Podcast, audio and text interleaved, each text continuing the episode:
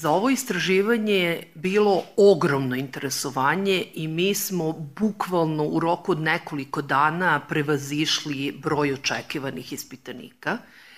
Znači, skoro 55% zdravstvenih radnika ima jedno ili više maloletne dece, a 12,7% radnika upućivanih u COVID bolnice su samohrani roditelji. 91,4% zdravstvenih radnika nisu pitani da li imaju maloletnu decu i da li su samohrani roditelji pre nego što su upućivani u COVID sistem. Skoro 32% imaju hronične bolesti koje se smatraju faktorom rizika za težak oblik COVID-19 infekcije.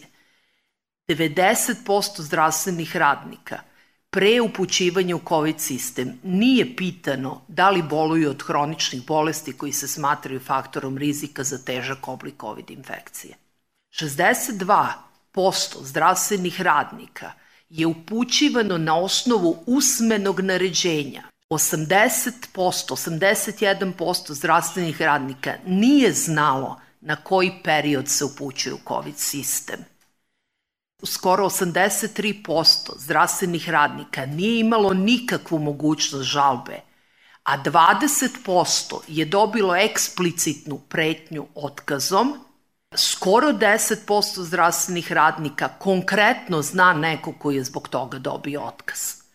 50% zdravstvenih radnika koji su upućivani u COVID bolnice van mesta svoga stanovanja nije imalo obezbeđen prevoz, smeštaj, hranu. A da vam ne pričam koliko je teško naći smeštaj kada čuje neko ili stanodavac da vi radite u COVID bolnici. 40% nije imalo dovoljno zaštitne opreme, što je totalno šokantan podatak. Preko 50% nije imalo pravo na pauzu ili je eventualno imalo redku mogućnost da napravi pauzu. 55% zdravstvenih radnika nije imalo mogućnost niti smelo da iznese svoje mišljenje vezano za organizaciju rada u COVID sistemu, a 10% njih je zbog toga eksplicitno kažnjeno. Oko 60% zdravstvenih radnika je u isto vreme moralo da radi i u crvenim i u zelenim zonama I do kraja epidemije, mislim koja još uvek traje, preko 40% ustanova nije striktno bilo podeljeno na crvenu i zelenu zonu. Znači, zone su se mešale, ko ne zna, crvena zona COVID zona, zelena, zelena zona ne COVID zona. 14,5% zdravstvenih radnika u Srbiji nije dobilo nikakvu novčanu nagradu za rad, u COVID sistemu, pri čemu znamo da je država uplatila novac zdravstvenim ustanovama za sve zdravstvene radnike koji su bili u COVID sistemu. Pisana svedočanstva su zastrašujuća. Majka sam deteta sa posebnim potrebama i operativnim zahvatom Ni u jednom momentu to nije uzeto u obzir, niti me neko pitao kako sam od prvog dana sam u COVID sistemu do danas. Slanje u COVID bez ili sa minimalnom opremom, kao da si unapred žrtvovan i pušten niz vodu. Nedozvoljena sloboda govora i iznošenje istinitih podataka – 8 sati dnevno u punoj zaštitnoj opremi jeste kršenje ljudskih prava, bez vode, bez hrane, bez toaleta. Česte izmene su dovele do jedne opšte konfuzije kako na strani lekara, tako i na strani pacijenata i naravno niko od građana nije bio siguran u određenom trenutku koja su mu prava, a koja su, koje su obaveze na snazi i šta konkretno treba, treba poštovati. Ono što je najspornije jeste primena domaćih, domaćih propisa i da li su uopšte uzete u obzir norme, međunarodne uh, norme. Tako smo obradili i pojedina prava, kao što je pravo na život, zatim prava iz radnog odnosa, pa prava na miran i porodičan život, pravo na zdravstvenu zaštitu Najviše su kršena i videli smo što je Gorica i, i navela prava iz radnog odnosa i to je ono što je bilo najviše zbunjujuće za, za zdravstvene radnike. Prvo i osnovno jeste koja su njihova prava i koja su njihove, koja su, koje su njihove obaveze, pa možemo krenuti od prava na bezbednost i zdrave uslove rada. To je onaj prvi period kada smo kada se u medijima pojavila priča da li treba nositi dakle, maske, da li će zdravstveni radnici biti kažnjeni ako nose maske, pa zatim smo u narednom periodu imali kažnjavanje ako se ne nose maske. A s druge strane, bilo je pitanje i e, koliko je obezbeđena oprema, zaštitna, zaštitna oprema i ko, koji vremenski period zdravstveni radnici provode u punoj ličnoj zaštitnoj opremi. Možemo da kažemo da su prosto i, i naredbe i instrukcije bile potpuno konfuzne da lekari ni u jednom segmentu nisu dobijali tačne i pouzdane informacije ili nisu dobijali uopšte informacije kao da im je bilo izabranjeno praktično i da pitaju koja su to njihova, njihova prava. Takođe, e, u toku ovog istraživanja obradili smo pravo na mišljenje, pa samim tim kad su lekari e, postavljali određena pitanja, oni su, bilo im je prosto prećeno da ne smeju ništa pitati i da ne, ne mogu dalje iznositi informacije koje dobiju u okviru svoje uh, zdravstvene, zdravstvene ustanove. Praksa je pokazala da pravo na bezbednost i zdravi, zdravi uslovi rada nisu uopšte poštovani i da sama pandemija koja je donela visok, visok rizik za, za život i zdravlje Imamo sa druge strane i to što nije obezbeđena dovoljna zaštitna, zaštitna oprema. Kada je u pitanju pravo na ograničeno radno vreme, dnevni i nedeljni odmor, to takođe nije bilo ispoštovano u potpunosti, najviše iz ugla što zdravstveni radnici nisu znali tačan raspored radnog vremena.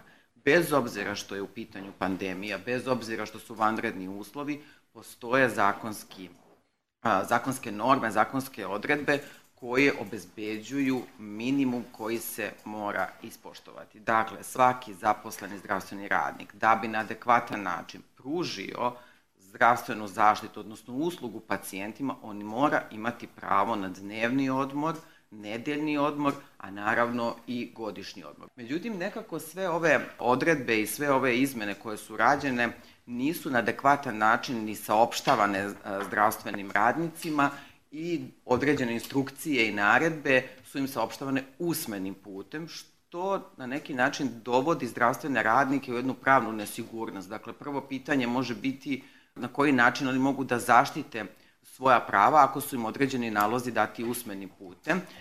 Tako da postoji propust i e, pravne službe u okviru zdravstvene ustanove koji bi trebalo da imaju obavezu da obrazlože i objasne zdravstvenim radnicima njihova prava, odnosno da im protumače sve one norme koje su u tom trenutku bile na snazi. Mi takve podatke apsolutno nemamo, dakle da je pružena bilo kakva pravna pomoć pravnika iz zdravstvenih ustanova, što je naravno propust celog sistema, odnosno organizacije e, rada u okviru svake zdravstvene ustanove. Dakle, nemamo ni jedan primer da je postojala neka komunikacija i saradnja između zdravstvenih radnika i, i pravne službe. Sledeće pitanje je pravo na pravičnu naknadu za rad. I tu je dosta bilo nedoumica, dosta propusta, dosta kršenja prava, naravno na štetu zaposlenih zdravstvenih radnika, posebno u početku i u toku vanrednog stanja, kada im u principu nije ni bio plaćen taj prekovremeni, prekovremeni rad, a na kraju kada je doneta odluka da taj prekovremeni rad bude plaćen, onda u pojedinim zdravstvenim ustanovama je uočeno da postoje kršenje prava u smislu da im je dato, znači ta naknada im je određena u manjem iznosu nego što je to bilo propisano zakonima. Na primer, maksimalno je moglo biti, naknada je mogla biti 30% u odnosu na, na zaradu, međutim često je zaposlenim radnicima, zdravstvenim radnicima, taj iznos bio između 10 i 20%, iako su ispunjavali uslove da to bude 30%. Čak imamo i primer e, Sindikat lekara i farmaceuta Srbije imaju u svojoj praksi primer, dakle da je osobama koje su bile zaposlene u nemedicinskom sektoru ta naknada bila 30%, a lekarima je iznosila između 10 i 20%, međutim na njihovu inicijativu i neki primeri su dakle ispravljeni, tako da je i lekarima isplaćeno 30-30%. Kada je u pitanju naknada za bolovanje, neću koristiti zakonske termine da bi se bolje razumeli, U početku je bilo primjera da se isplaćuje 65% naknade za bolovanje, dakle nije se uzimalo u obzir da su lekari koji su se zarazili uh, od covid da su se oni zarazili na svom poslu i da njima pripada naknada od 100%, Međutim, kasnijim instrukcijama je naloženo da, da ta naknada iznosi uh, 100%, ali opet sledeći korak nam je pokazao da je opet došlo do nekih problema u tumačenju normi, odnosno koja je šifra uh, stavljena u medicinskoj dokumentaciji. Dakle, ako, je prva šifra, ako se prva šifra odnosila na COVID, onda su zaposleni na, za bolovanje dobijali 100%, ako je slučajno, na primjer, u medicinskoj dokumentaciji prva šifra, odnosno diagnoza bil, imala neku drugu šifru, da je u tom slučaju zdravstvenim radnicima naknada iznosila 65%. Što znači uvek nekako imamo zloupotrebu prava i zloupotrebu u tumačenju i primeni propisa i sve na štetu onih dakle, koji bi trebalo da ostvare prava i koji su se u ovom periodu najviše i brinuli o pacijentima i bili, da kažem, na prvim tim uh, najrizičnijim uh, linijama kada je u pitanju zaštita od covid -a. Često su uh, zdravstveni radnici se čak i odlučivali da ne koriste svoje pravo na bolovanje, u nekim primjerima im je to bilo i uskraćeno pod pretnjom da će biti sankcionisani, a, na primjer, to su situacije ukoliko su postojali svi simptomi covid ali su blaži ti simptomi, a takođe, iako su postojali simptomi, a test negativan, da oni nisu mogli dobiti 100% nadoknadu za, za bolovanje, što znači da su morali, morali biti u kolektivu. Sledeće pitanje je pravo na upućivanje u zdravstvenu, u drugu zdravstvenu ustanovu. To inače postoji u redovnim uslovima, dakle poslodavac radnika može uputiti u drugu, kod drugog poslodavca, međutim ovde je to nekako bilo uh, pravilo i samo 38% zdravstvenih ustanova u našem sistemu nije upućivalo svoje zdravstvene zdravstvene radnike u drugu ustanovu. I ovde je bilo dosta zloupotreba, to je ono pružanje informacija zdravstvenim radnicima na koji period će biti upućeni, koja su im prava, da li potpisuju anekse ugovora. Dakle, potpuno je jedan bio haos što se tiče pružanja informacija. Uglavnom su ta saopštenja bila, odnosno naredbe, bile, bile su usmenim putem. Imali smo onaj drugi deo, a to je sledeći korak je kažnjavanje zdravstvenih radnika koji odbiju da odu u drugu zdravstvenu ustanovu naravno donosilo se rešenje e, o radnoj obavezi u slučaju usmenog odbijanja. Dakle, ovde smo sad imali pisani trag da, da je neko e, odbio da ode u drugu zdravstvenu ustanu, ali opet bez pouke o pravnom leku. I onda smo u svakom slučaju ostavili zdravstvene radnike bez pravne zaštite.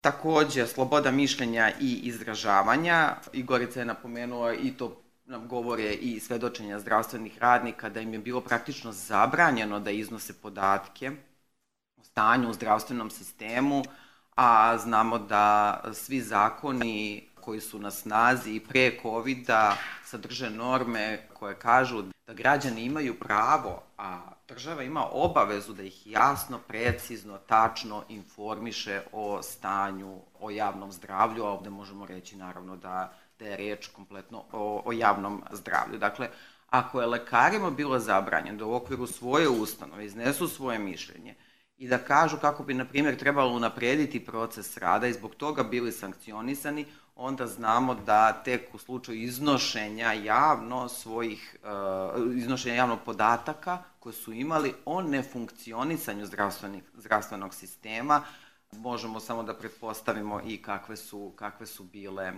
pretnje i, i pretnje sankcijama u stvari, a ima i primera gde su sankcionisani. Sank, sankcije su najčešće bile odbijanje od zarade određenog procenta. Što se tiče zabrane diskriminacije, to je vrlo interesantno da je nekako su zdravstveni radnici, e, baš ovo pitanje da li su oni heroji ili su e, žrtve, mi možemo reći da su oni na početku bili u potpunosti diskriminisani. Zašto? Jer su često u medijima proglašeni kao osobe koje su širile zarazu. Dakle, bili su odgovorni za širenje zaraze. I onda, uzimajući te podatke u obzir, mi vidimo da je došlo do jednog nezadovoljstva i do sukoba između građana, odnosno pacijenata i zdravstvenih radnika. S druge strane, očekivano bi bilo da se kroz medije i da su oni koji su bili nadležni da upravljaju ovom pandemijom, da su oni imali obavezu da utiču na bolju saradnju između pacijenata i, i lekara, a ne da se dovede do toga da lekari budu praktično osuđeni za, za širenje virusa i da su oni u stvari ti koji su neodgovorni prema građanima, prema svom poslu i da praktično su oni ti koji krše, krše zakone. Posebna zaštita porodice, majke, samohranog roditelja e, i deteta. Naše istraživanje e, ukazuje da preko 76% ispitanih zdravstvenih radnika je rekao da ih niko nije pitao da li su samohrani roditelji i ovaj segment jasno nije uzet u obzir uh, uopšte u toku pandemije, iako dakle, uh, konvencije Međunarodne organizacije rada posebno ističu zaštitu porodice, majke i samohranog roditelja, naravno i u cilju zaštite zaštite deteta. Nisam samo rekla da smo poslali uh, zahteve svim zdravstvenim ustanovama, zahteve za pristup informacijama od javnog značaja, gde smo im tražili bukvalno sva dokumenta koja oni posjeduju vezano za ovaj COVID period i iz tih dokumenta smo videli da su im te, te instrukcije bile nerazumljive i da su zbog toga oni, da kažem, u dužem vremenskom periodu, da kažem, duplo pravili povrede prava uh, zdravstvenih radnika. Ja sam samo htela da dodam jednu rečanicu na Marinino izlaganje, ne samo što niko nije pitan da je samohrani roditelj, nego vi imate ekstremno mnogo slučajeva gde su oba roditelja zdravstveni radnici i oba u isto vreme roditelja upućivana u COVID sistem bez da se iko pitao gde će ta deca mnogo je bilo situacija gde nije imalo nikakvog rešenja za roditelje.